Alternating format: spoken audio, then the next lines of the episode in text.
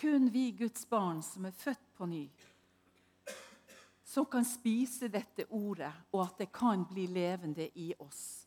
At Guds ord har føtter å gå på i det vi spiser ordet, i det vi leser ordet. Det er et løfte fra Bibelen. Det står om at er Guds ord er levende. Det står om at det er virksomt, og det er skarpere enn noe tveget sverd. Det går helt igjennom, og så kløver det både, både sjel, ånd, ledd og marg.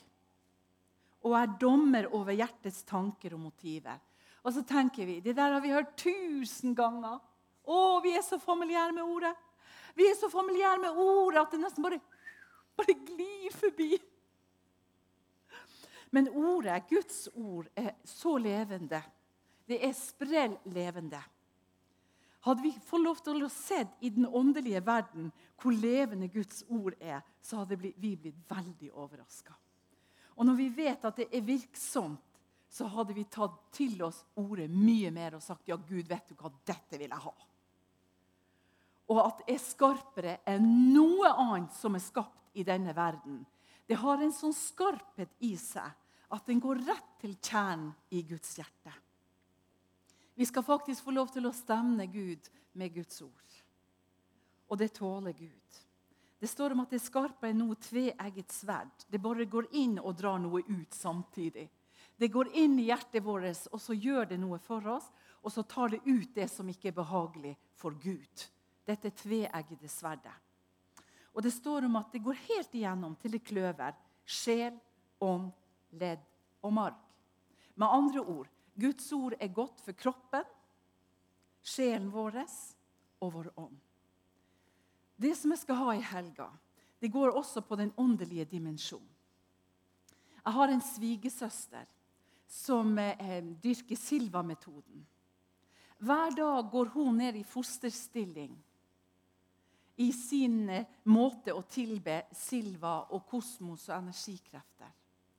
Hun gjør det hver dag for å holde seg frisk, for å gi sitt legeme til Silva-guden og til å hengi seg med alt det hun er, til ånd, sjel og kropp, til kosmo og energikrefter.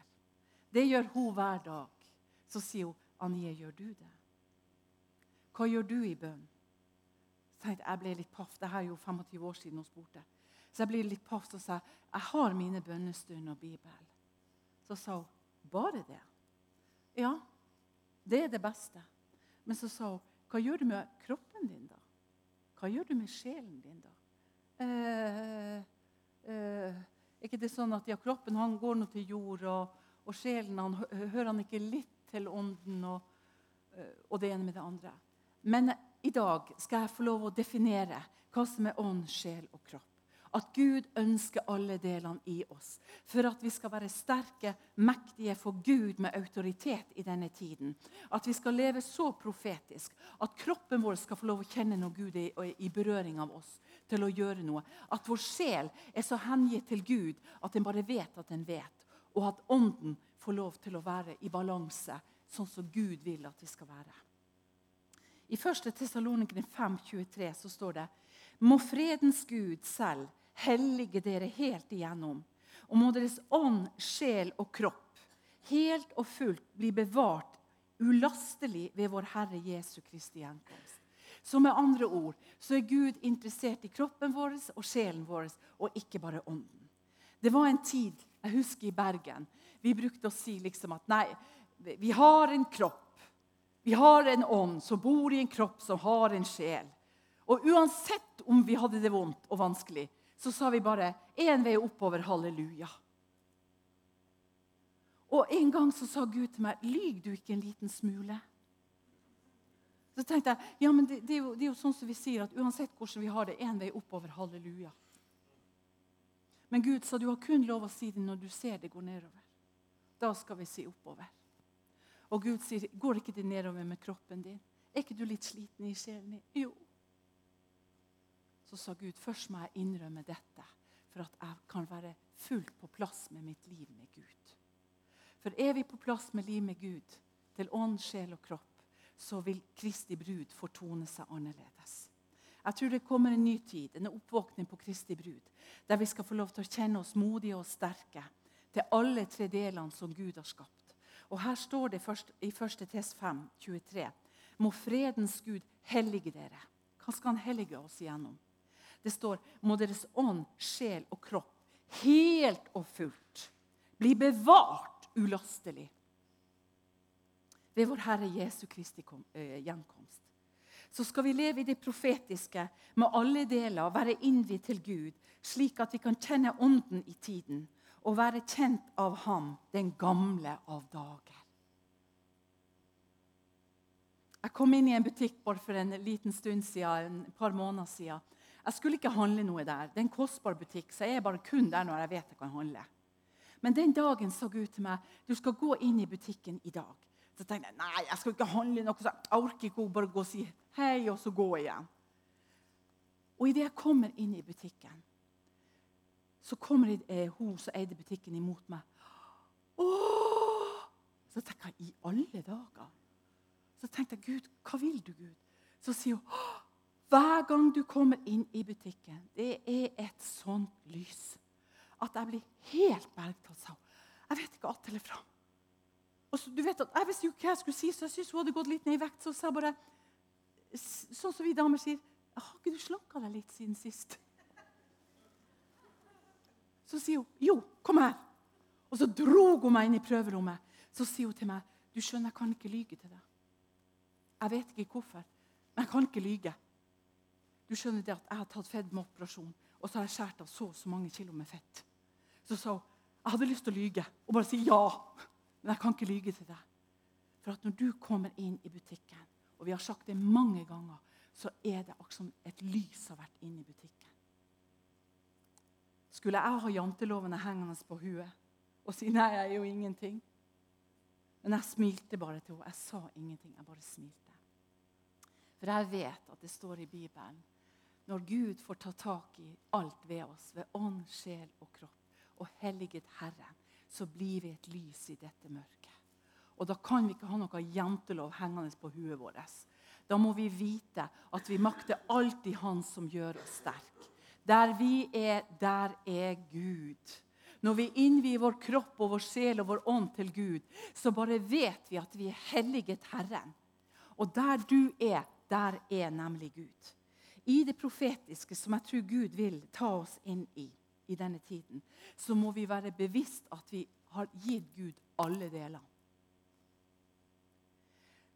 Det står i 1. Korintene 14,3.: Men den som taler profetisk, taler for menneskene til oppbyggelse, formaning og trøst.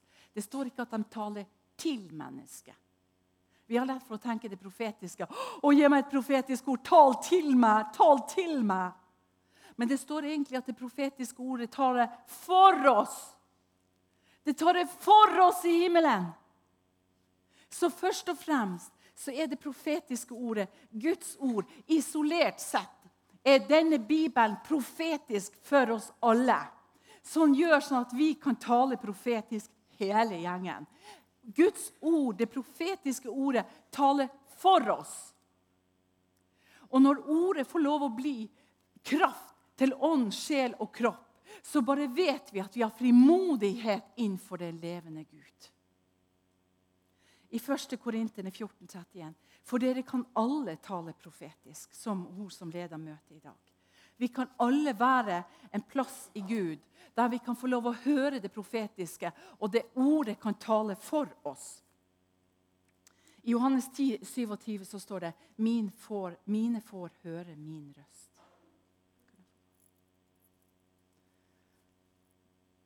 Når vi har Jesus med oss i hverdagen, så må fredens Gud hellige oss helt igjennom. Jeg er så nysgjerrig på det ordet der.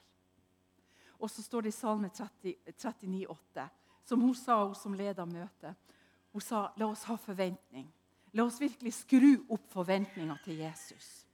For jeg tror at hvis vi virkelig kommer på en plass i Gud der vi virkelig kjenner det, det er en brudevekkelse Vi ønsker at Jesus skal komme til oss. Men jeg tror også, som jeg og Bjørg også snakker ofte om, at Jesus vil at bruden skal gjøre seg rede. Brudgommen har gått ut av sitt kammer. for å se etter bruden. Og når Herren ser etter bruden, så ser han at hun skal ha brudeklærne på seg med full frimodighet til å kunne leve det profetiske. At ordet skal tale for oss i det profetiske. I Salme 39, 39,8 så står det Og nå, Herre, hva venter jeg på? Min forventning står til deg. Halleluja. Og I morgen når vi skal snakke om dette med yoga, mindfulness, alternativ åndelighet, nyreligiøsitet, som florerer blant Guds barn og menighet, så vet Gud at vi trenger en spesiell brudevekkelse som gjør sånn at vi blir stanset, blir ikledd, pynta, gjort oss i stand for en tid som denne. Det er en tid som denne i alle menighetene. Og jeg bruker å si vet du, Jeg hørte faktisk at Herren sa til meg de som er tøffe nok til å invitere meg i menigheten til å tale om yoga, mindfulness, alternativ og alle disse tingene, det er en brud. Det er en menighet som er villig til å istandsette seg for den kommende tid. Der bruden blir istandsatt. Uten åpenbaring så står det det, så blir folket tøysesløs. Det betyr, det betyr at de begynner å ta litt mindfulness.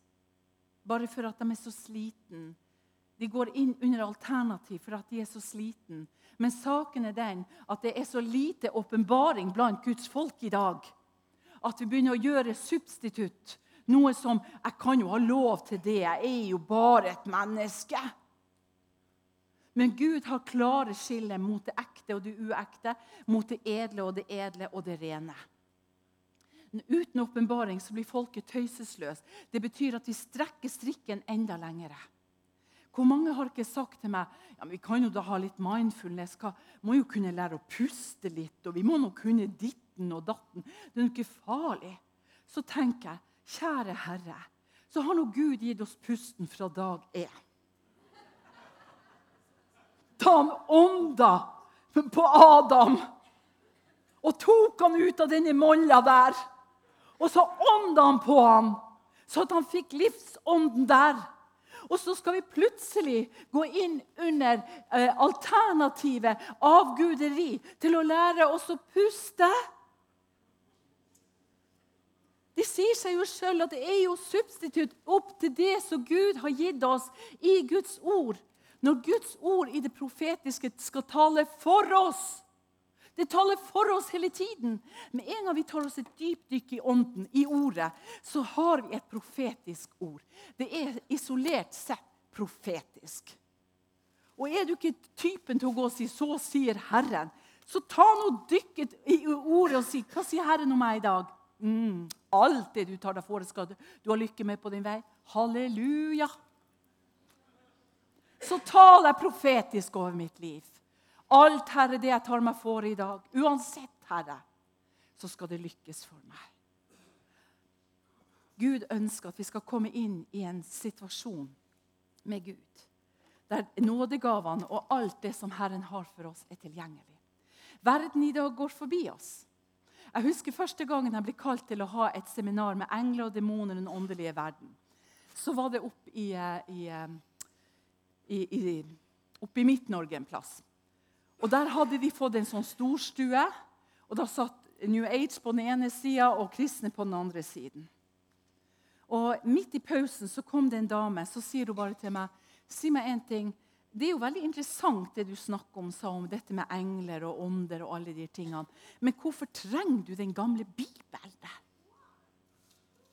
Så sier jeg til den dama, for du skjønner, den Bibelen er den høyestes autoritet. Og her står alt i denne Bibelen. Vi trenger faktisk ikke bøker for å finne ut av ting her på jorda. Verken om oss sjøl, om Gud eller om andre religioner. For alt står i denne boka bak disse permene. Det ordet taler profetisk for oss og er med oss. Og I Romerne 5, 16b og 17 så står det, det at denne nådegaven kom etter mange overtredelser som skulle føre oss til rettferdighet. Det er nemlig Jesus.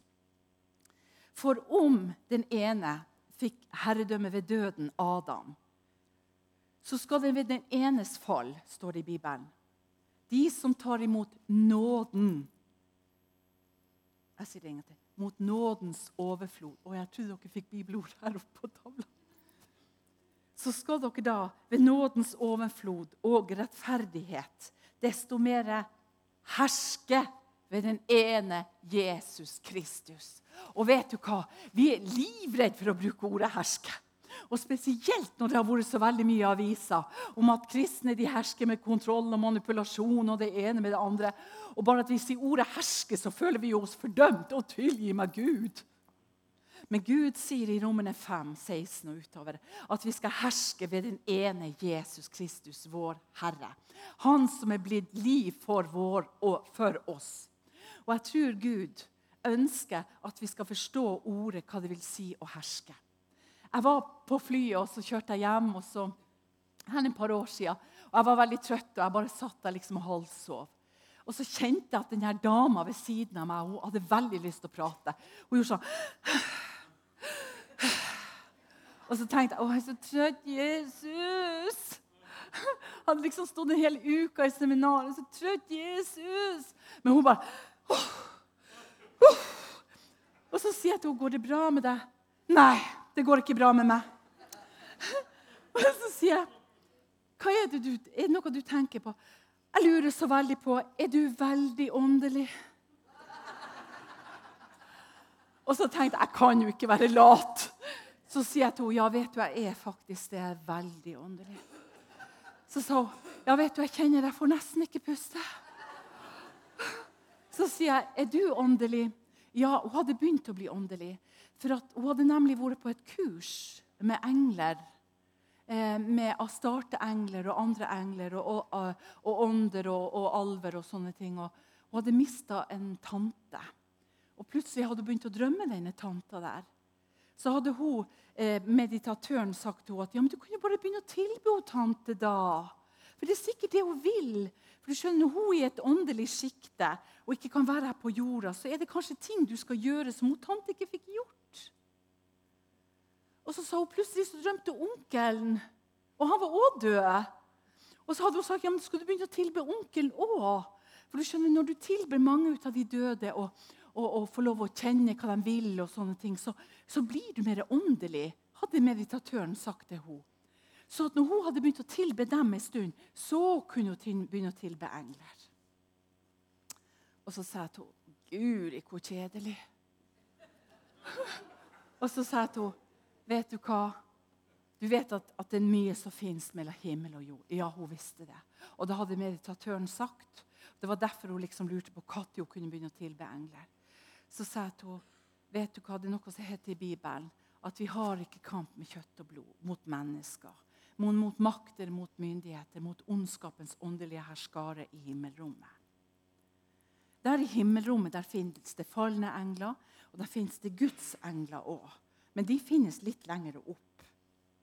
Så sier jeg til henne at men du skjønner det at jeg gidder ikke å tilbe dem, verken de døde eller englene. Jeg, har, jeg, vil gå mye høyere opp. Så sa hun, går det an? Ja, det går an, seg. Jeg kommer like inn for nådens trone. Der er Jesus. Og der er en stol som heter nådens stol. Og der kan jeg sette meg, og så kan jeg tilbe Jesus. Han som er stått opp fra de døde. Så sa hun, wow! Er det sant? Og da tenker jeg verden i dag, og dette var en voksen ungdom Verden i dag har ikke peiling på at vi kristne er veldig åndelige. At vi går forbi makter og myndigheter, ondskapens ånde her i himmelrommet. Like inn for nådens trone til Gud Faderen. Vi holder oss ikke bare i sjiktet der de sier det er mye mellom himmel og jord. Nei, vi går mye, mye lengre. Og jeg tror det er på tide at vi Guds barn skal få lov å vite, vise verden at vi er åndelige, at vi hersker med Jesus Kristus, vår Herre. Halleluja! Der og da ble jeg utfordra veldig. Vi kom fra Tromsø. De hadde vært på Svalbard og sett solen og tilbedt stjernene og galaksen. Jeg vet ikke alt hva de hadde gjort der oppe. Og Da skulle vi da videre til Oslo og videre til Bergen. Og når vi i, begynner å nærme oss Oslo, så sier de at eh, dere som skal til Bergen, kommer ikke til å nå deres neste destinasjon. Og, vi bare tenk, og jeg bare tenkte å nei, Gud, jeg vil nå det siste flyet til Bergen. Jeg vil ikke sove i Oslo. Så sier hun til meg du, du som tilber han det der forbi, forbi det der, der forbi eh, disse maktene. Kan ikke du be til han om at vi må komme oss hjem med neste fly til Bergen? Så sa hun, for jeg er så trøtt, og jeg skal på jobb i morgen. Så sa jeg, så du mener at jeg kan be forbi det som er mellom himmel og jord? Mm -hmm. Og jeg tenkte, kjære Gud, kjære Gud. Og jeg bare sa, bare tok henne i handa. OK, du blir enig med meg? Ja, sa hun. Da bare ber jeg Jesu navn. Flyet skal gå med lysets hastighet til Oslo. I Jesu navn! Og vi skal nå flyet i Oslo for å rekke det til Bergen, og med bagasje. Amen. Og da dama sa på meg, sa du må si å, amen. Amen, sa hun. Og når vi kommer til, begynner å nærme oss Oslo, så sier de at dette er kapteinen snakker. Så sier han vi har nådd igjen eh, tiden. Og så sier han og dere skal til Bergen skal komme først ut til gaten. På en forunderlig vis så gikk vi rett ut til gaten, og plutselig så sto jeg og hun ved nummer 35. Og så sa hun Guri, gikk ikke det her veldig fort? Så sa hun, men du vet at vi hadde jo snakka med han som er over makter og myndigheter, ondskapens ånde her i himmelrommet. Og jeg sa til henne glem det aldri. Så når vi var i Bergen og vi skulle si ha det til hverandre, så sa jeg jeg anbefaler deg. Bli heller kjent med han som er over. Han som har makt over både liv og død. La verden få lov å se at vi har makt med Gud i Den hellige ånd. At vi skal herske og råde som Guds barn. Vi er ikke noe bare sånne tumlinger med, med, går med en svart bibel og er liksom tung og trist og det ene med det andre. Men vi skal herske med Gud. Jesus Kristus, vår Herre, det er ingen over og det er ingen under. Han er den som oppslukte døden og har gitt oss et hedersnavn. At vi skal få lov å tro på Han, Jesus Kristus, vår Herre. Han er overfloden, han er rettferdigheten i Gud i våre liv. Jesus-veien i hverdagen er at vi bevisst lever ut hva vi har i Han, at vi har fått alt i Guds ord. Når vi står innenfor de maktene og myndighetene i Efesene sekt, så skal vi vite det. Maktene det har jo flertall i seg. Det er jo ikke makter. Maktene. Myndighetene. Verdens herskere i dette mørket mot ondskapens ånde her i himmelrommet. Det er flertall. Se for dere hvor mange det er. Og så sier Herren det at vi skal herske og råde over det som Guds barn. Når vi står innenfor Gud, Jesus Kristus, så har vi fått et, et mandat i Romerne 5,17. Og det står i Bibelen om at eh, vi som Guds eh, barn altså, Vi trenger ikke å famle oss fram til ham.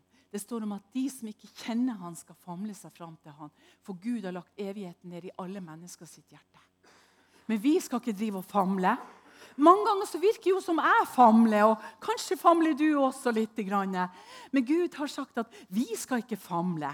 Vi som kjenner Han, den gamle av dager, og vet hvilken autoritet Gud har gitt oss. New Age som jeg sa, har substitutt. Det er nært opp til sannheten, betyr det. De er åndelige, og de prøver å tilfredsstille seg sjøl med å strekke seg opp til Gud, et eller annet større enn dem sjøl. Det er det de prøver å gjøre, sånn som min svigersøster. Hun sier det at hun kan være med på å selvrealisere seg sjøl med yoga, meditasjon og gå inn i denne fosterstillinga og gi kroppen sin til eh, til kosmos og energikrefter. Hun bruker boka The Secret, som sier at 'dette er min oppskrift på livet'. sier hun. Boka The Secret det betyr hemmeligheten. Egentlig så betyr det åpenbaringen. Men det er vi som er åpenbaringen. Uten åpenbaring går folket til grunne. Vi er nødt til å få åpenbaring. Jeg sier det er et must som Guds barn å leve i en guddommelig åpenbaring hvem vi er i Kristus. Og Da er ikke det snakk om at vi skal bli evangelister og gå på gater og steder og slite oss ut. Nei, vi skal ha så makt med Gud at der vi er, der er Gud. At når, Om vi kommer på butikken, i jobben eller uansett hvor vi er, så er Gud der. Jeg hadde en opplevelse, jeg vet ikke om jeg sa det til dere sist, men jeg hadde noen venner vi var ute og spiste. Og så hadde hun ene dama hun hadde sin ektemake på psykiaten på lukket avdeling. Og jeg synes Det var så trist at her skulle vi sitte og spise og gasse oss og fortelle hvor vi skulle på ferie, og så hadde mannen sin inn på lukket avdeling på psykiaten. Så sier jeg skal vi ikke dra dit til han da. Og eh, Langt om lenge så klarte vi å komme oss til Sandviken sykehus. Og når vi kom inn der, så var vi ikke sikre på at vi fikk snakke med han. Han var bitter, han var sint, han hadde mista et barn.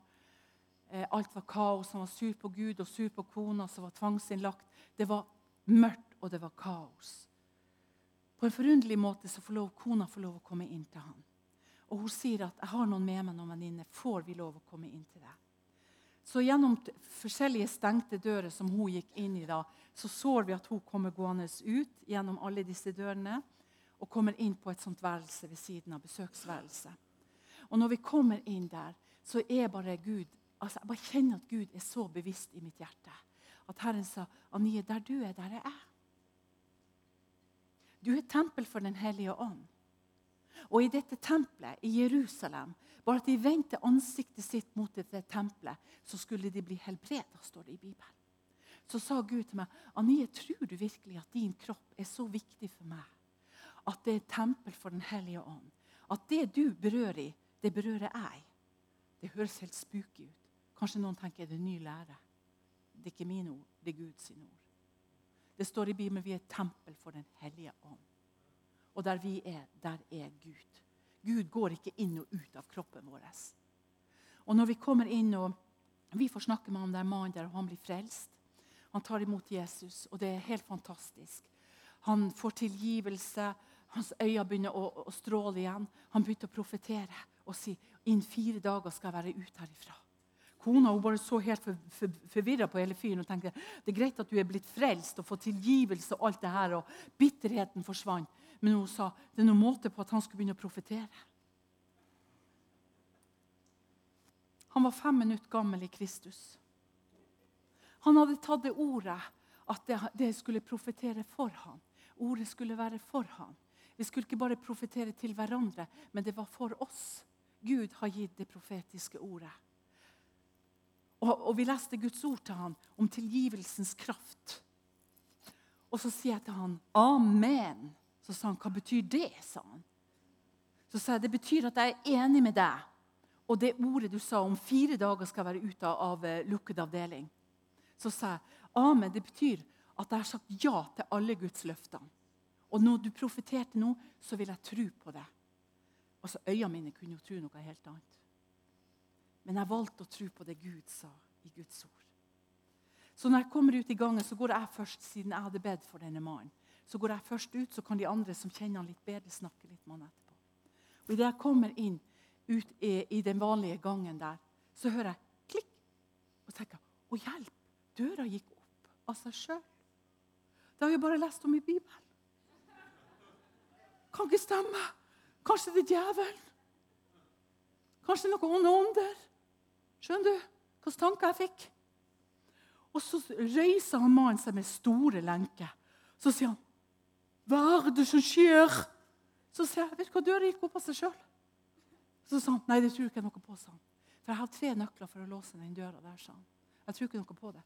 Så jeg tok bare foten. Og så spente jeg den opp. Og han ble rød i ansiktet. Og så sa han kunne jo skjedd noe katastrofe. Ja, så sa hele lukket avdeling kunne jo ta seg en tur på byen.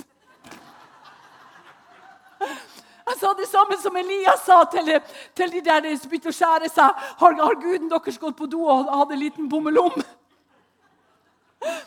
Så jeg sa bare det. De kunne jo gått på byen, hele gjengen. Og han ble enda mer rød i fjeset.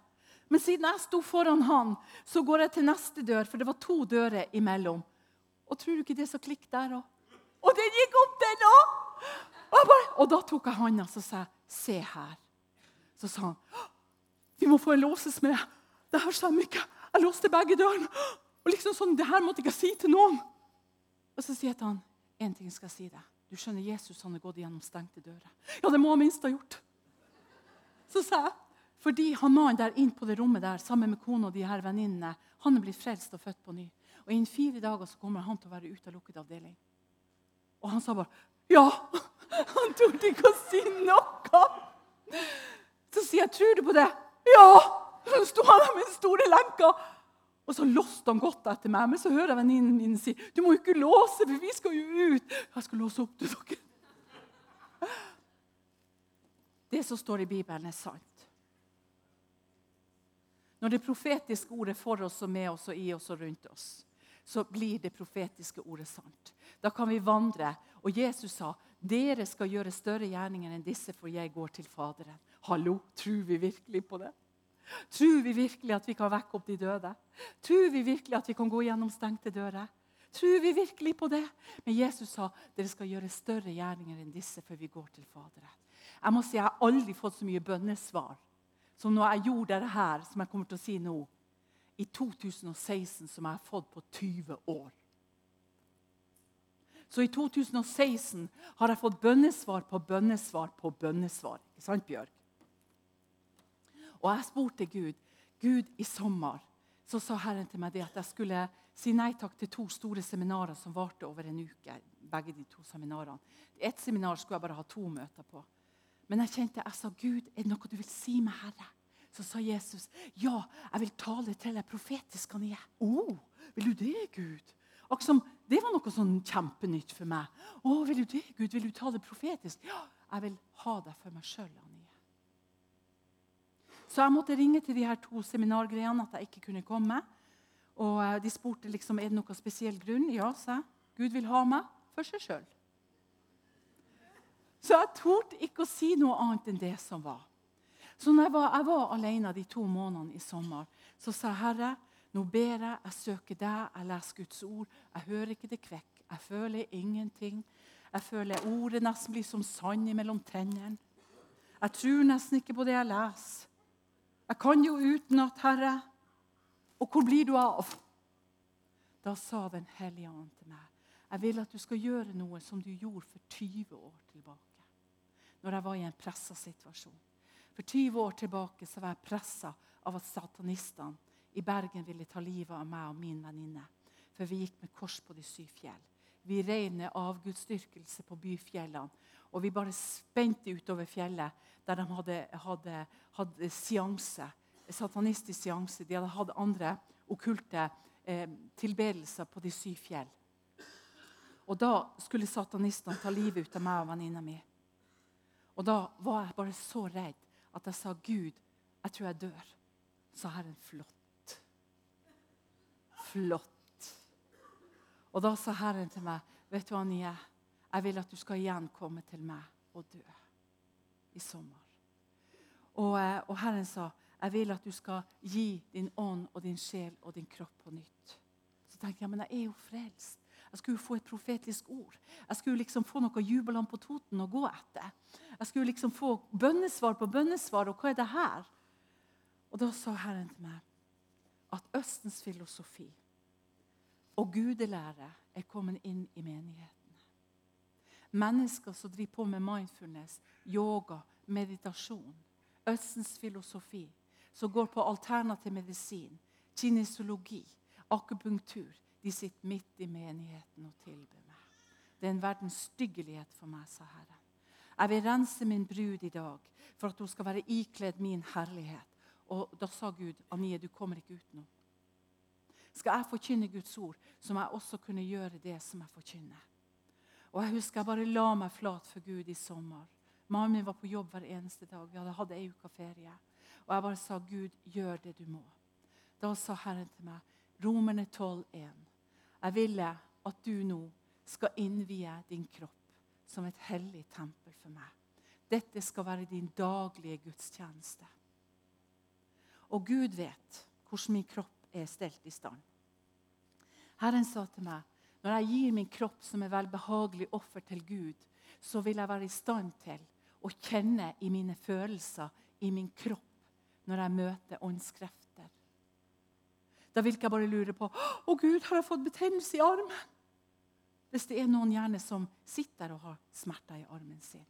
Da vil jeg kunne kjenne det på Guds ånd.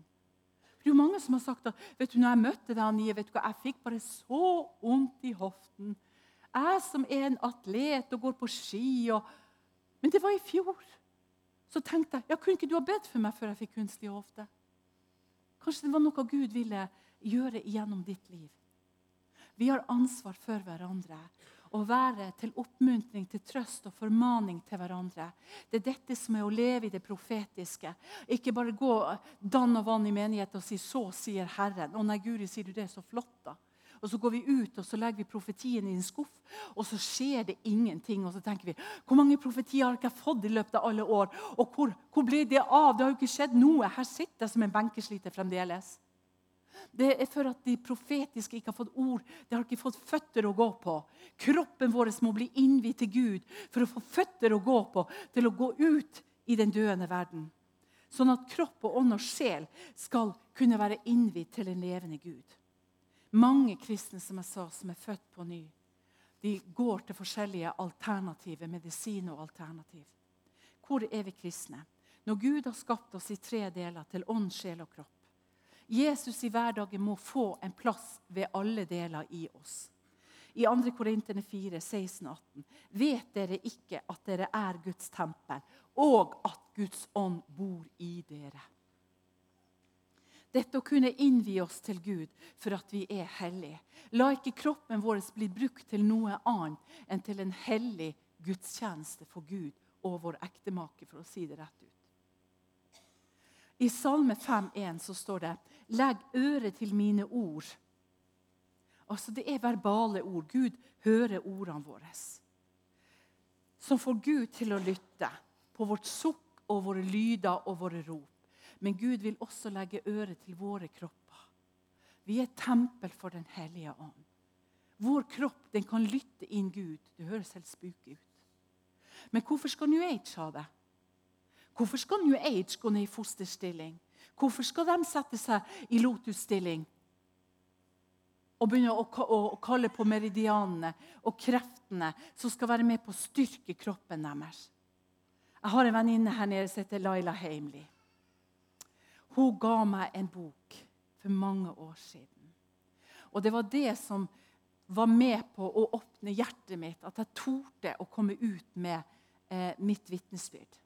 Den boken heter 'Helse for enhver pris'. Jeg ble ikke mamma.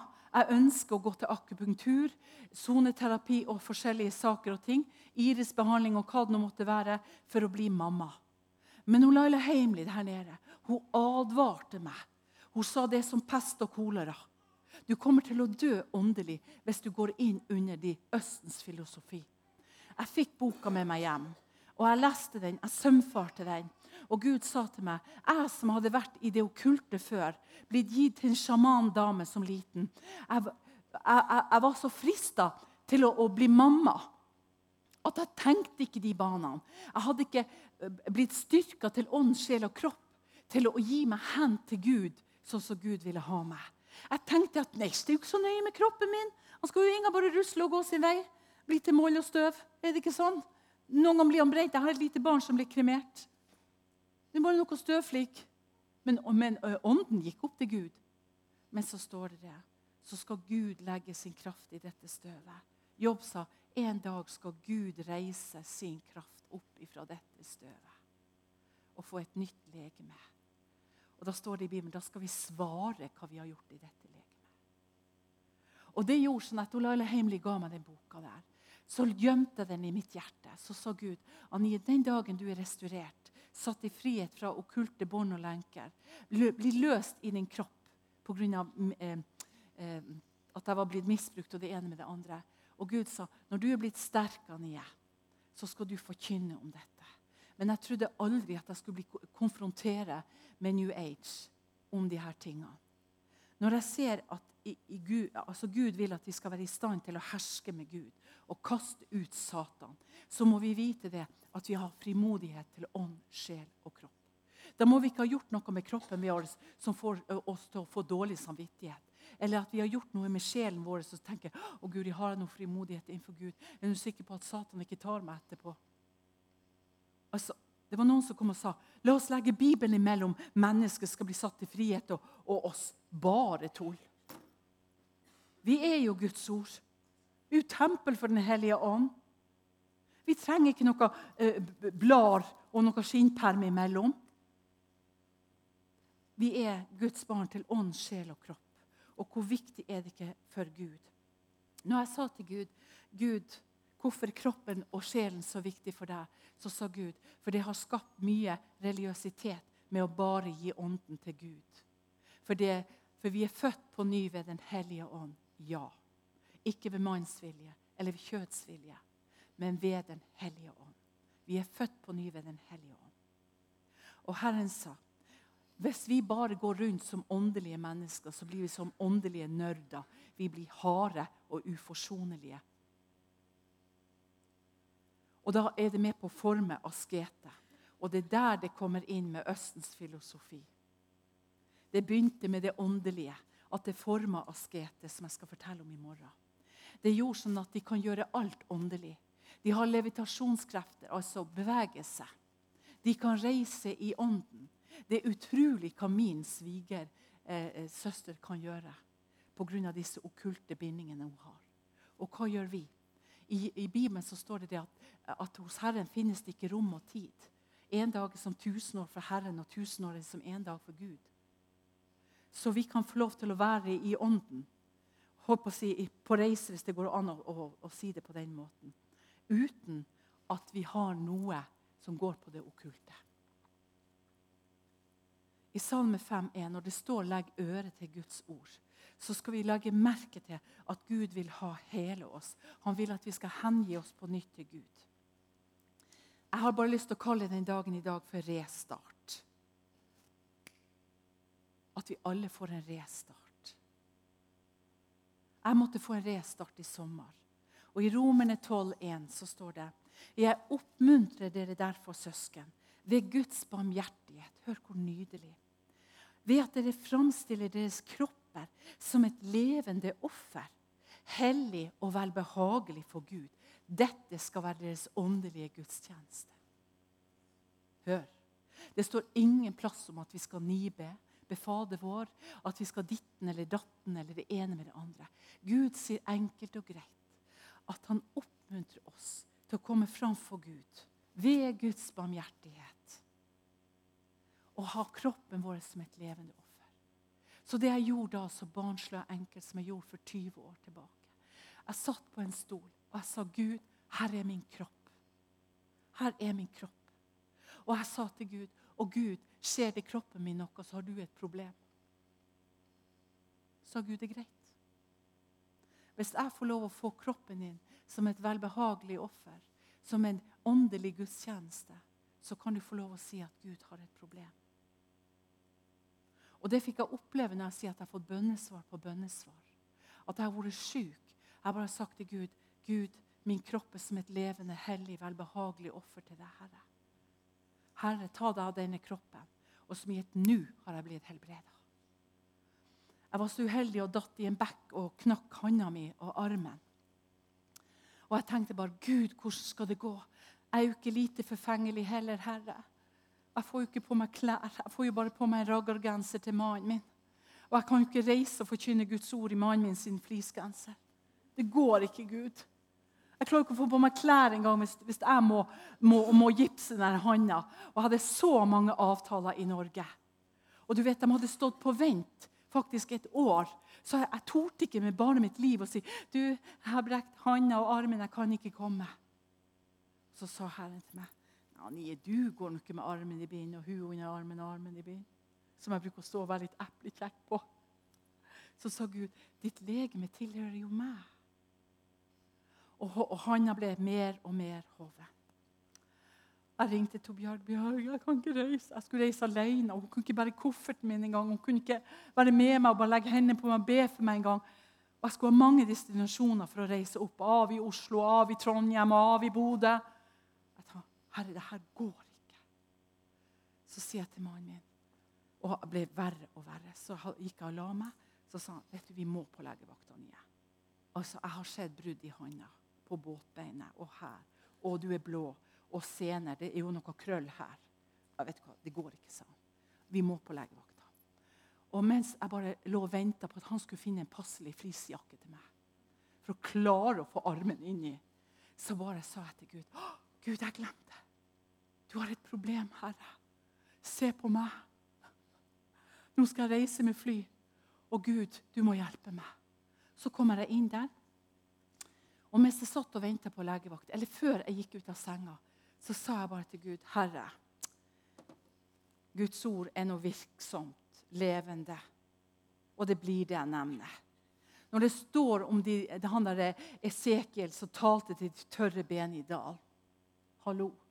En hel hær reiste seg. Og de var så knusktørre og avgnagd, de der beina der. At til og med Det var ikke noe, det var ikke noe fugler der engang og spiste på beina. Det står om at det var en hel dal full i tørre ben. Og da sier plutselig Gud til eh, profeten, 'Hva ser du?' 'Hva ser jeg?' Jeg så ei brukken hånd og, og, arm og i det hele tatt, og smerter. Og Herren bare sa igjen, 'Hva ser du?' Og jeg hørte profeten sa, 'Jeg ser en dal full av tørre ben'. Han kunne like godt sa, 'Jeg ser noe umulige, tørre, gnagde bein'. Men Gud sa, 'Kan disse ben bli levende?' Og Gud sa, 'Tal til disse tørre ben og si:" Dere tørre ben, kom sammen. Idet han tar Gud sitt ord og begynner å tale det ut, så hører han klapring. Av disse tørre ben går sammen, ribbein til ribbein. Like mange ribbein fikk alle disse likene som lå spredd for vinden.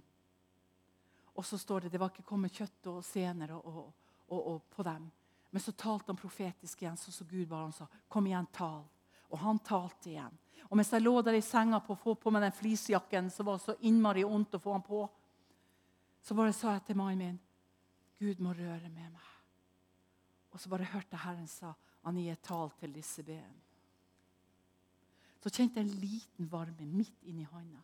Men jeg ville helst ha kjent det her på båtbeinet, som trenger veldig mange uker, måneder for å, å bli helbreda. Og, sånn. og, og, noe snurr her. Og Vi for på legevakta, og de sa du har ikke brudd noen plasser. Men vet du hva? Siden den er så hoven, og, og siden mannen, min, mannen din har fortalt hvor grusomt du hadde, så tar vi og gipset. Og jeg sa nei, vet du, jeg kan ikke. Vet du hva? Jeg er en god, gammeldags forkynner, og jeg kan ikke. Så sa han, men du er god, gammeldags noe annet òg, sa han. Du er forfengelig. så sa legen, jeg har ansvar for deg nå. Hadde ikke du kommet på legevakt og kunne gjort hva du vil for min del, men jeg gipser den, sa han. Ferdig med det. Og jeg for da dagen etter med gips til Nordland. Og når jeg kom opp til Nordland, så hadde jeg glemt at jeg måtte være forsiktig, så jeg bar nå handa med denne gipsen. Kofferten. Jeg har en skikkelig tung koffert. Og når jeg kom dit oppe, så sa jeg bare til dem at dere ser denne gipsen, men det er bare noe dere ser med deres øyne. Egentlig så er jeg helbreda. Du vet, Jeg trodde jo at jeg var teit.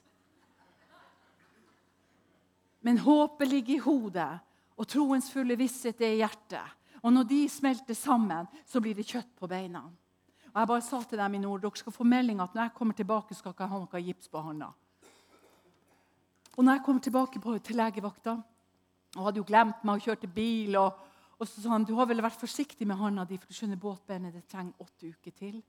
Og du må inn i trommelen, for vi vet jo det at du hadde kanskje fått en scene som hadde Og da bare kjente jeg no, nok er nok.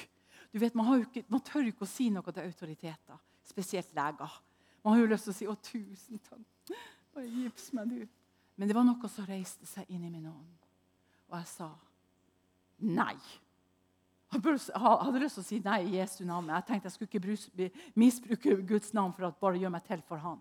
Men jeg sa nei, jeg skal ikke ha gips på, for jeg er fullstendig helbreda. Så sa han du må gå i åtte uker til. Vi må få deg inn i trommelen papirene forteller at dette er en stygg skade du har hatt. Og så tar han av meg gipsen og så bare gjør det sånn her. Og så sier han at men du skal få viljen din fordi du tror.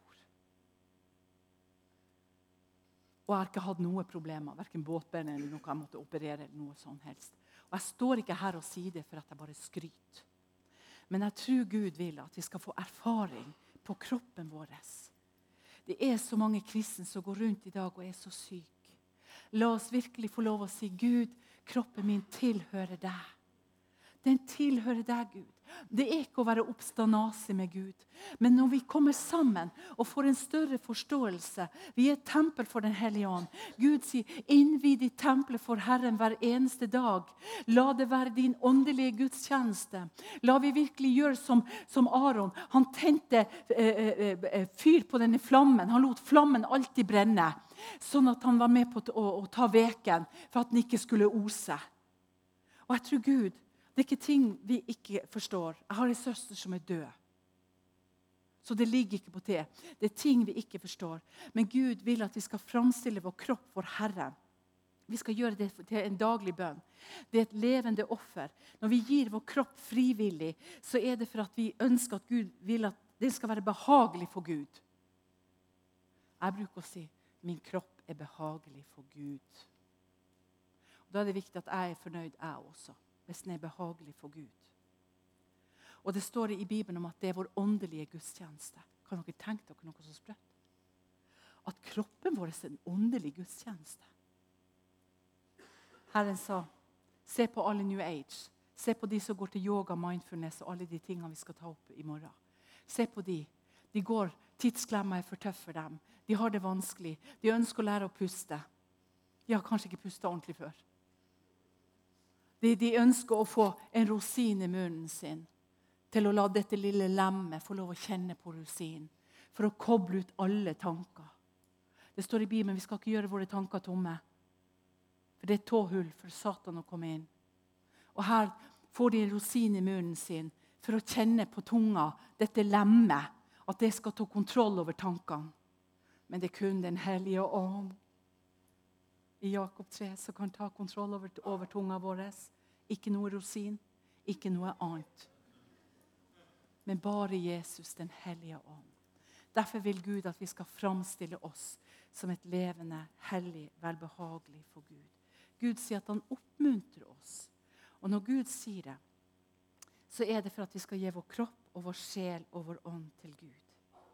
I 2. Korintene 7,1 så står det derfor, mine kjære, da vi har disse løftene, så la oss rense oss fra all urenhet på kjød og ånd og fullføre vår helliggjørelse i frykt. Hvordan kan vi bli besmitta på vår ånd? Vi bruker jo å si ja, det er greit at jeg er både syk og har det vanskelig, og det ene med det andre, men min ånd, den er hellig. Min ånd, den er bare så sterk. Men her står det nemlig det at vi skal rense oss på vår kjød og vår ånd. Derfor er det viktig at vi hver dag kommer framfor Herren og bare ber Gud rense oss. Det som har kommet inn i oss via kjødet, via sjelen vår, som kanskje har knebla ånden. Når det står i Bibelen om at, eh, at vi skal ikke hindre noen til å tale profetisk. Vi skal ikke hindre noen til å tale i tunger. Vi skal ikke hindre ånden. Og vi kan faktisk hindre vår egen ånd i våre liv med å ikke være lydig for Gud. Da hindrer vi vår ånd. Da får ånden vår slag på seg, sånn at vi trenger å bli rensa i Jesu blod, faktisk å be om tilgivelse. Og jeg tror at når Guds barn blir ikledd denne brudedrakten til ånd, sjel og kropp, så blir ingenting umulig for oss i denne verden.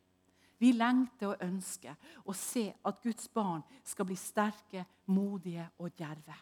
Det står om Josva. Når de gikk rundt denne, denne, store muren, som var masse meter. Jeg lurer bare på om de brukte det bibelordet som står i, i salmene. For Det står en plass i salme, jeg tror det er salme 18. Ved deg hopper vi over muren. Ved deg, ved deg inntar vi fienden. Og jeg tror at Josva skjønte seg på Gud, på Guds ord. Og, og, eh, Når det står i Romerne at våre kropper skal være et offer, være behagelig for Gud, står det i, i Romerne 15. Men det står om Paulus at han sier, han sier sånn her Så er hans tjeneste også til hedningene, for at de skulle være et offer, være behagelig for Gud, helliget ved Den hellige ånd. Romerne 15, 15b. At vi skal være helliget ved Den hellige ånd. Så med andre ord så er vi kropper for Gud. Vi er et offer. Vi er velbehagelige for Gud til ånd, sjel og kropp. I sjelen vår der fins det jo våre følelser. Der fins våre meninger. Der fins det kompakte i et menneske. men der finnes også viljen. I sjel er viljen vår. Og Gud vil, han sier i Fader vår, skje din vilje som i himmelen, så på jorden. David han sa, han talte til sin sjel, som dere sang i sted. La oss tale til vår sjel at vi skal lovprise Gud. Og, og David han talte til sin egen sjel. Min sjel, lov Herren og alt som i meg er. La meg lovprise Hans hellige navn. For han ønsker å gjøre Guds vilje. Sjelen ligger i følelsene, og det ligger i viljen vår. Og når David ydmyka seg for Gud, så fikk han lønn for sitt strev. Og Det står i ordspråkene 22,4.: Lønn for ydmykhet er Guds frykt, rikdom, ære og liv. Så vil vi ha rikdom, vil vi ha ære, vil vi ha liv, så skal vi ydmyke oss framfor Herren. Så skal vi bruke Romerne 12,1, der det står at han si, ønsker at vi skal framstille våre legemer som et hellig, velbehagelig offer for Gud. Og som jeg har sagt, jeg har aldri fått så mye bønnesvar som jeg har fått i 2016. I Matteus 5,8 så står det Salig er de rene av hjerte, for de skal se Gud. I sjelen vår der er hjertet. Før et eneste ord kom i vårt hjerte, så vet Gud det allerede. Før vi vet det sjøl. Før det kommer opp til topplokket. Så med andre ord, når vi gir sjelen vår til Gud, som har med våre sanselige følelser og med vår vilje og våre tanker å gjøre, så vil vi ikke lure på Gud, hva er din vilje nå? For det står nemlig i Bibelen når du vet at du har bedt om noe etter Guds vilje, så får du det du har bedt om. Og hvordan kan vi vite at vi ber Guds vilje? Jo, når vi gir vår kropp til Gud som et velbehagelig offer. Og når vi gir sjelen vår til Gud. Det står videre i Romerne 12,2 så står det, det at Gud sier at vi skal ha sinnets fornyelse. Det står 'Skikk dere ikke lik denne verden, men bli fornyet i deres sinn'. Med andre ord at vi får Guds tanker. Og når vi får Guds tanker i vår sjel, og vi har gitt vår kropp til Gud, så er ingenting umulig i vår ånd. Da er det vi kan gå ut og gjøre ende på djevelens gjerninger. Gud sier at vi skal få holde fast ved opplesning, ved Skriften, av Guds ord og i den sunne lære i troen på Jesus Kristus. I Romerne 6, 16 så står det Men Gud være takk. Vi skal takke Gud hele tiden. Altså under, det kommer så masse lærdomsvind inn over nasjonen vår nå. Som jeg tror at vi skal være så på hugget når vi møter det. Jeg og Bjørg jeg har bare lyst til å fortelle noe. Jeg og Bjørg vi var et sted. Så var det en dame som kom og sa 'Jeg har lest boka di.' Og så, 'Å, så fint.' Og så sier hun, 'Nei, det var med på å forvandle.' Og så tenkte jeg kanskje det hadde vært med på å forvandle tankene. Nei, mer enn det, sa hun. Hele bedriften min. Å. Så kunne hun fortelle. Hun hadde en bedrift i sitt hjem. Der drev hun på med mindfulness, der drev hun på med kinesologi, akupunktur og healing. Hun hadde investert i det nye huset sitt for ca. 600 000. Og, og det sekstallet gikk veldig mange ganger igjen. Hun hadde utdanna seg innen kinestologi og akupunktur seks år. Hun hadde investert for 6000. Hun hadde drevet behandling i seks år. Og så sier hun Og plutselig kom Gud.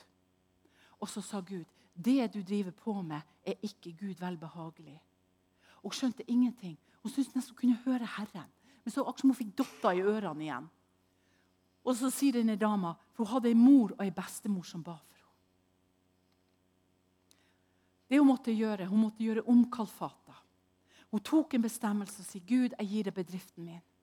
Jeg vet at det er andre guder som jeg får krefter fra. Jeg vet at, at kinesologi og alle disse tingene ikke kommer ifra deg. Gud, hjelp meg så jeg kommer inn i en menighet. Og Da gikk hun og flakka litt rundt omkring, og så fant hun ut jeg går i den menigheten. Når hun kom inn i den menigheten, så hadde de bønnemøte. Dette i Norge 2016. Oktober 2016. September 2016. Så kommer hun inn i denne menigheten. Så ble hun litt sånn forvirra når hun kom dit. Hun følte plutselig at det hun hadde gitt til Gud, var, Hvorfor hadde hun gitt det til Gud? Det var ikke så nøye, nøye å gi eh, akupunkturnålene og stolene og kaste alt det her ut av huset og, og, og si opp jobben og klientene og alt det her. Det var jo ikke så nøye likevel. Hvorfor hadde hun gjort det? Og Når hun blir kjent med den menigheten, så sier hun det er flott at du kommer på bønn. For vi har, har Jesus-yoga i dag. Og Så sier hun Jesus-yoga. Er det noe som heter Jesus-yoga? Så sa hun ja, for at her møter vi Gud, og så begynner vi å puste først. Så lar vi pusten gå dypt, og så sitter vi i lotusstilling. Men vi tilber ikke andre guder, altså, men uh, vi bare møter Jesus og har Jesus-yoga. Og hun kjente den samme ånden som hun hadde blitt satt fri fra, med brask og bram, med slit og, og kraft og blir løst fra disse satans eh, marerittene og sykdom og plager, kommer hun inn i en menighet der de har Jesus-yoga. De tar også krigsstillinger, og så sier de at det er en kriger for Gud. Men hun sa denne krigsstillinga der sa hun, det var den mest største okkulte stillinga innen eh, Østens filosofi. Da gir, hel, da gir, du deg til denne slangen, som senere blir da denne krigsguden. Og så sa hun og alle disse positurene gjorde dem. Og så sa hun jeg ble helt forvirra. Så da, da, gikk jeg i annen menighet. sa hun. Jeg visste ikke hva jeg skulle gjøre. Er det rett det de gjorde? Er det ikke rett? Eller er det bare jeg som er litt sprø? sa Hun Hun hadde nesten, lyst til å bare gi opp alt. Så der er vi i dag. Det var Noen som ringte til meg og spurte om Jesus Jojo er, er bra å ha på ungdomsmøter. Jesus Jojo det kommer også fra dette Østens eh, greier til å bevege kroppen sine forskjellige positurer. Og, og, eh, og eh, andre ting. Krigsguder. Vi trenger ingen substitutt. Vi trenger Jesus. Og vi trenger å vite at vi har gitt vårt legeme til Gud. Sven Veum oppe i Tromsø han sa, som, har dette, som kan virkelig dette, han sa du kan be til Jesus til du blir grønn og ikke får bønnesvar hvis du gir åpne kroppen din for solguden Mitras og begynner å tilbe Jesus. For da har du allerede gitt kroppen din, det tempelet som er hellig for Herren, har du alle gitt, gitt til avguder. Da kan du like godt be Buddha og Allah. Det er derfor jeg tar det fram at dette med kroppen vår er så viktig for Gud. La oss ikke noe få lov å komme i kroppen vår. Det kom en dame bort til meg som sa jeg ser at du er syk. Stemmer det? Det var noe før jeg opererte hoftene mine. Så sier jeg nei, det er bare litt sånn hoften av og til som slår seg litt rang. Så sa hun kan ikke jeg få lov å bare be for deg. Så sa jeg be for meg. Så ble litt forvirra. For jeg, jeg, jeg kjente ordene var rett. Hun brukte Guds ord, men jeg kjente ikke ånden. Og så sier jeg hvordan skal du be, da? Du skjønner, jeg varmer hender, sa hun. Jeg har en gave fra Gud. jeg varmer hender. Nei, vet du hva, de vil ikke ha på meg sa For Gud sier at det er, det er et varmt hjerte, et brennende i ånden for Herren, og ikke noe varme hender. Vi skal være iskalde som bare det. Vi har fått løfte fra Gud til å legge hendene på de syke, og de skal bli helbreda. Det står ingen plass om varme hender og energier og krefter og det ene med det andre. Og jeg tror at denne menigheten her er tatt ut for Herren. For å være en brud som er reist opp for denne tiden, og dere som er på besøk. Jeg tror Gud vil gjøre om Kalfata i våre hjerter. Han vil faktisk gjøre en sånn restart at når vi kommer inn i et rom, så gjør vi faktisk forskjell der vi er. Om vi går på psykiaten, om vi går i en butikk, om vi går og handler, eller uansett, så skal vi bare vite at vi gjør en forskjell. Og Da er det viktig at vi har gitt kroppen vår til Gud. Og jeg har merka at hvis det har vært andre ting som har plaga meg Jeg har bare sagt til Gud, nett til mannen min, kan du be for meg nå? For nå, nå, har jeg en plage i kroppen min. Bare ta autoritet over det. Og jeg, fram, jeg har framstilt min kropp framfor Herre som et velbehagelig offer. Og Gud har et problem. Gud er veldig praktisk. Jeg vet denne første dagen kan bli litt lang. Nå er klokka ni. Men jeg skal avslutte snart ved Guds barmhjertighet, miskunnhet og barmhjertighet, så skal vi framstille våre kropper for Gud. Det er nøkkel. Det er nøkkel i denne verden til å være hellig sånn som han er hellig. Denne nøkkelen til å gå like inn i tronrommet til Gud, det er til ånd, sjel og kropp. Vi er tempel for Den hellige ånd. Og Gud sier at når vi gir oss sjøl som et velbehagelig offer til Gud, så skal vi framstille oss for Gud ren og hellig. Laila Heimli som sitter her, som ga meg denne boka. Hvor viktig er det ikke å være lydig for Herre? At vi skal framstille oss for Gud og, og hjelpe hverandre til oppmuntring, trøst og formaning. Det Laila Heimli ikke visste da, for 30 år siden, at jeg kommer til å reise land og strand med det budskapet om å være hellig sånn som Gud er hellig. At jeg kommer til å reise til Island, Grønland, Sverige, Jerusalem blant jødene for å forkynne dette budskapet. De som har mystisisme og kabbala. De som har alle disse greiene. Laila Heimli hun visste ikke det denne gangen. Men det var Den hellige ånd som sa, 'Gi meg den boka'. Og den boka den bevarte jeg tett inntil mitt hjerte. Det er ting som er skrevet, som Gud har gjort ved åpenbaring, som vi må få tak i. Hebreerne 4,12 så står det For Gud er levende og virkekraftig. For, Gud, nei, for Guds ord Vi kan like godt si at Gud er levende. Dette er Gud, det profetiske ordet. For Guds ord er levende og virkekraftig og skarpere enn noe tveegget sverd. Det går inn, og så kløver det ånd, sjel, ledd, mod og marg og dømmer hjertets ord og råd. Det dømmer noe i oss, sånn at vi hele tiden må være på hugget og bare gi våre hjerter til Gud. For det står i Bibelen videre ingen skapning er skjult for ham. Alt er naket og blottlagt for hans øyne, som vi skal avlegge regnskap på eh, på den store dagen. Alt det som har skjedd med oss, så tror jeg Gud ønsker en restart. At vi skal få lov å begynne på nytt. Halleluja. Fra i dag av. Og Jeg håper at dere som er her, ønsker å komme på det seminaret som er i morgen. Vi vet at legemet og kroppen det kan bli utdatert. Men vi er tempel for Den hellige ånd. Vårt indre menneske det blir sterkere og sterkere for hver eneste dag. Kan jeg bare få lov å ta det lille lemmet, vår tunge, som mindfulness og yoga bruker veldig mye i dag. De gir dette lemmet i yoga og mindfulness. Og dette lemmet der skal ha kontroll over sinnet deres. Dette lille lemmet der, når de går i yoga-stadiet og i mindful-stadiet, så får de plutselig et ord. De får et mantra. Og så blir de bundet. Og så bruker de dette ordet eller mantraet for at, å komme ut av tankekjør eller det ene med det andre. Men det er kun Den hellige ånd som kan ta vår tunge. At vi skal gi alle våre lemmer til Gud. Slik er tungen et lite lem, står det i Jakob 3,5. Og likevel har det en sånn stor makt, en liten ild. Og se hvor stor brann den kan tenne. Den kan faktisk sette helvete i brann. Vår lille tunge kan få være med på å skape Guds rike her på jord. Og det kan sette helvete i brann. Det er en liten ild. Det står om at det er en verden av urettferdighet. Derfor vet vi at tungen kan aldri temmes. Jeg klarer ikke å ta meg sammen. Er jeg sammen med et menneske som sier noe pø om en annen, og før jeg vet ordet av det, så har jeg sagt ja, jeg er enig, hun er litt vanskelig. jo der. Så langt klarte jeg å temme tungen.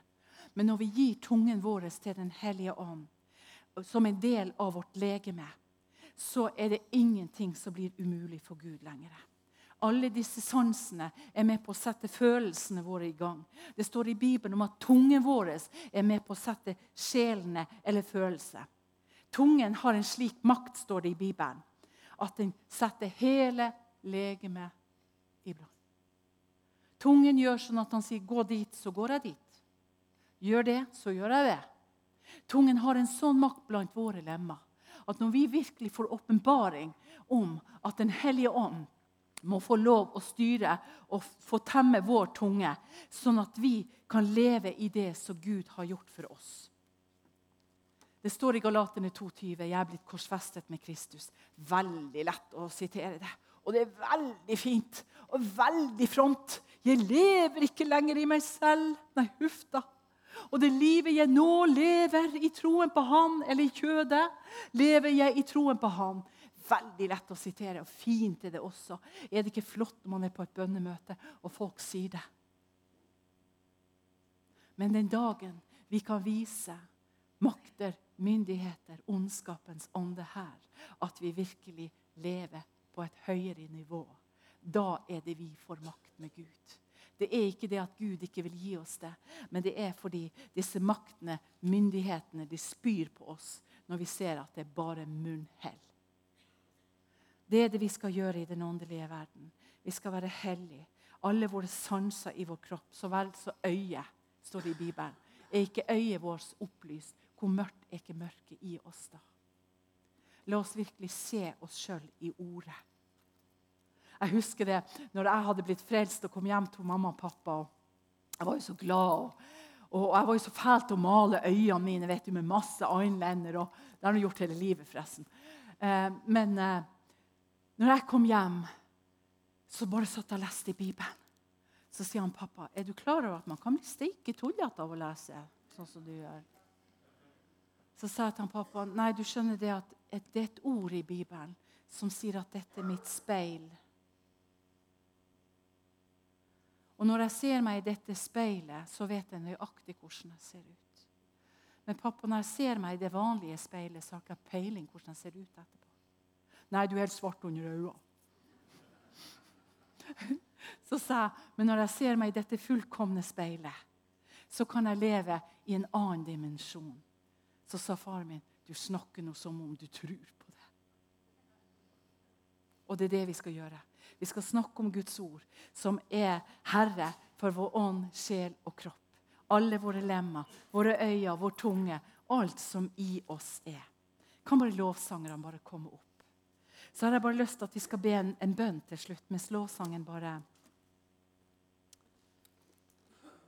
I Lukas 11, 35 så står det Se derfor til at lyset som er i deg, ikke er i mørket. Hvis da hele kroppen din er full av lys og ingen del i mørket Hør hvor vidunderlig. Hvis da kroppen din er i lys, hva så skjer da? Jo, når vi gir vårt legeme til Herren som et velbehagelig offer, så er kroppen vår i lyset. Jeg leste en gang til. Lukas 11, 35. Se derfor til at lyset som er i deg, ikke er i mørket. Hvis da hele kroppen din er full av lys og ingen del i mørket Hør. Vil hele kroppen din være opplyst som om det er en strålende som skinner av en lampe som gir deg lys. Er ikke det fantastisk? Så når vi går på gater og steder, så skal vi bare vite med oss sjøl vi er opplyst. Vi har gitt vårt legeme, vår sjel og vår ånd til Gud. Vi er som en lampe som skinner. Vi kan gå midt i det mørkeste mørket, og Satan har ingen del i oss. Men jeg tror Gud ønsker at bruden skal være bevisst denne kledningen. At vi går med disse juvelene. Og jeg sa til Gud Gud, jeg ønsker virkelig å ha disse juvelene. Vet du hva Gud sa? Du skal få dem. Du skal få dem synlig. Jeg skal ha dem på meg i morgen. Du skal få dem synlig. For alt det Gud gjør, er ikke bare munnhell fra Herren heller. Det er sant, det han sier. Men vi må tro ordet, så vi får det ordet si. Så vil Gud at vi skal gi oss helt til Herren, til ånd, sjel og kropp. Tanker, følelser og vilje. La virkelig Gud få lov å styre det. Og Jeg må bare si dere en ting. Jeg blir veldig prøvd på tanker og følelser etter at jeg sa til Gud jeg gir min sjel til det Herre. Hva bor i min sjel? Så sa Gud det er tankene dine, det er følelsene dine og det er viljen din. Det første jeg ble prøvd på, var at noen baktalte meg. Og hjelp hvordan følelsene og tankene mine var. Jeg fikk en smule hevntanker, for å si det mildt. Og, og når jeg hørte noen andre rykter, så tenkte jeg hm. Så sa Gud, Anie, hvor er tankene dine nå henne? Hvor er følelsene dine nå henne? Er du helt nede i kjelleren nå? Måtte til og med gå til mannen min og gråte. Vet du hva han sa for noe? Det der driver ut i Jesu navn. Så la han handa si på skuldra mi så sa han, 'Satan, forsvinn fra henne i Jesu navn.' Og Så tenkte jeg jeg hadde glemt et øyeblikk. Gud. Jeg hadde jo gitt sjel med tanker og følelser og vilje til deg, Gud. Jeg hadde glemt det. Men la oss være det bevisst. Og så når vi hører i lovsangen, i musikken, så la oss bare reise oss alle sammen. Vi tar et status quo. Vi gjør en restart i dag. Halleluja. For å ha makt med Gud. Vi taler til vår sjel. Bli stille for Herren. La oss bare være i lovsangen. La oss bare tilbe Gud. Så skal vi ikke ha noe forbund i dag, men vi skal bare gi våre kropper til Gud. Si til Gud Bare begynn å spille litt, så bare ber jeg. Kjære Jesus. Vi gir våre kropper til deg i Jesu navn. Fra øverst av vår hårspiss ned til under vår fotsål. Vi gir deg vår kropp, Herre som et velbehagelig offer. Du oppmuntrer oss til det, Herre. Og du sier at det er en guddommelig gudstjeneste. Vi forstår ikke det, Herre. For det er jo bare vår kropp. Men du har sagt at du bor ved, i denne kroppen ved Den hellige ånd. Så vår kropp er hellig. Vi gir deg kroppen i dag, Herre. Vi kommer framfor deg med vår sjel, Jesus. Med våre tanke, våre vilje og våre følelser. Å, Herre, både tanke, og vilje og følelser kan spille oss et puss. Men nå gir vi det til deg, Herre. Og hjelp oss så vi kan fatte et annet sinn. Og bli fornya i våre tanker. Bli fornya i vår sjel, Herre, og gi vår sjel til deg. Du som er vår sjels hyrde og vokter.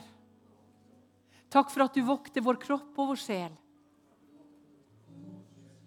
Takk, Herre, for at du har født oss på ny i ånden.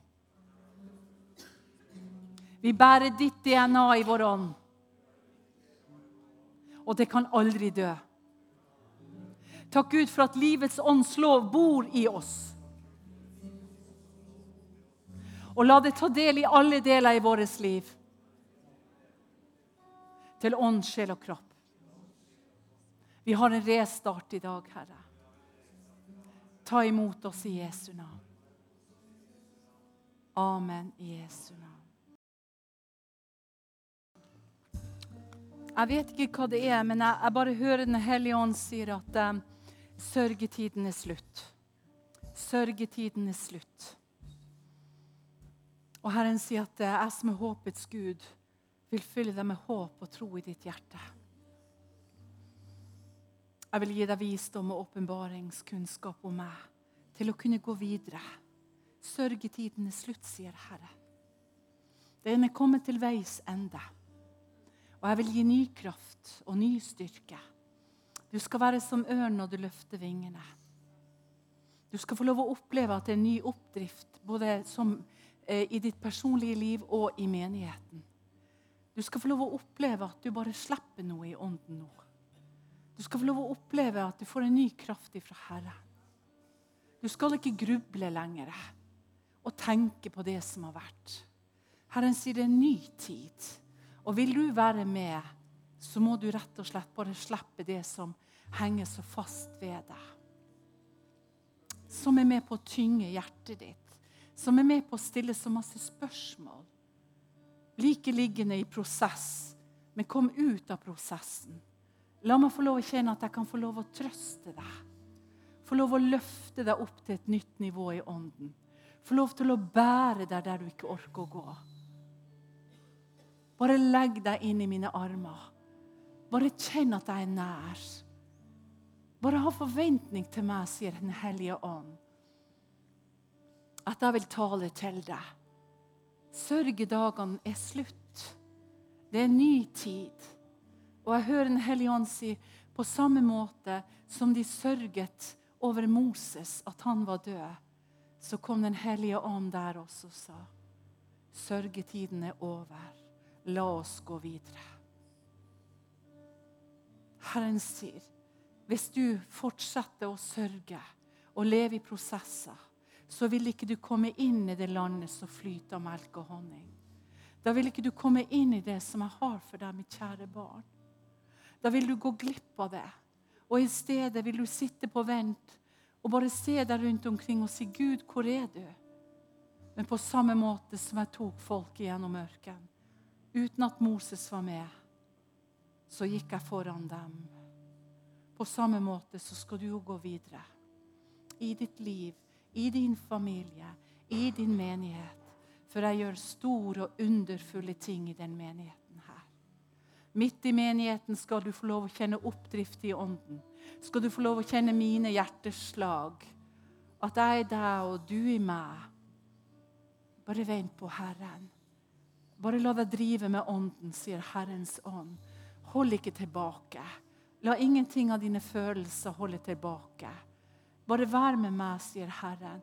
Bare gi deg dine følelser, dine tanker og din vilje. Sånn at jeg kan føre deg inn i et land som flyter melk og honning. Der jeg kan fly, fylle deg på nytt. Der du virkelig kan få en restart i Den hellige ånd. Og du vet hva det gjelder. Kjære mitt barn, du vet hva det gjelder. Du vet hva det gjelder. Du vet hva det gjelder. Herren har sagt, 'Jeg vil gi deg rikdom og ære og et langt liv.' Så kom igjen. Kom igjen.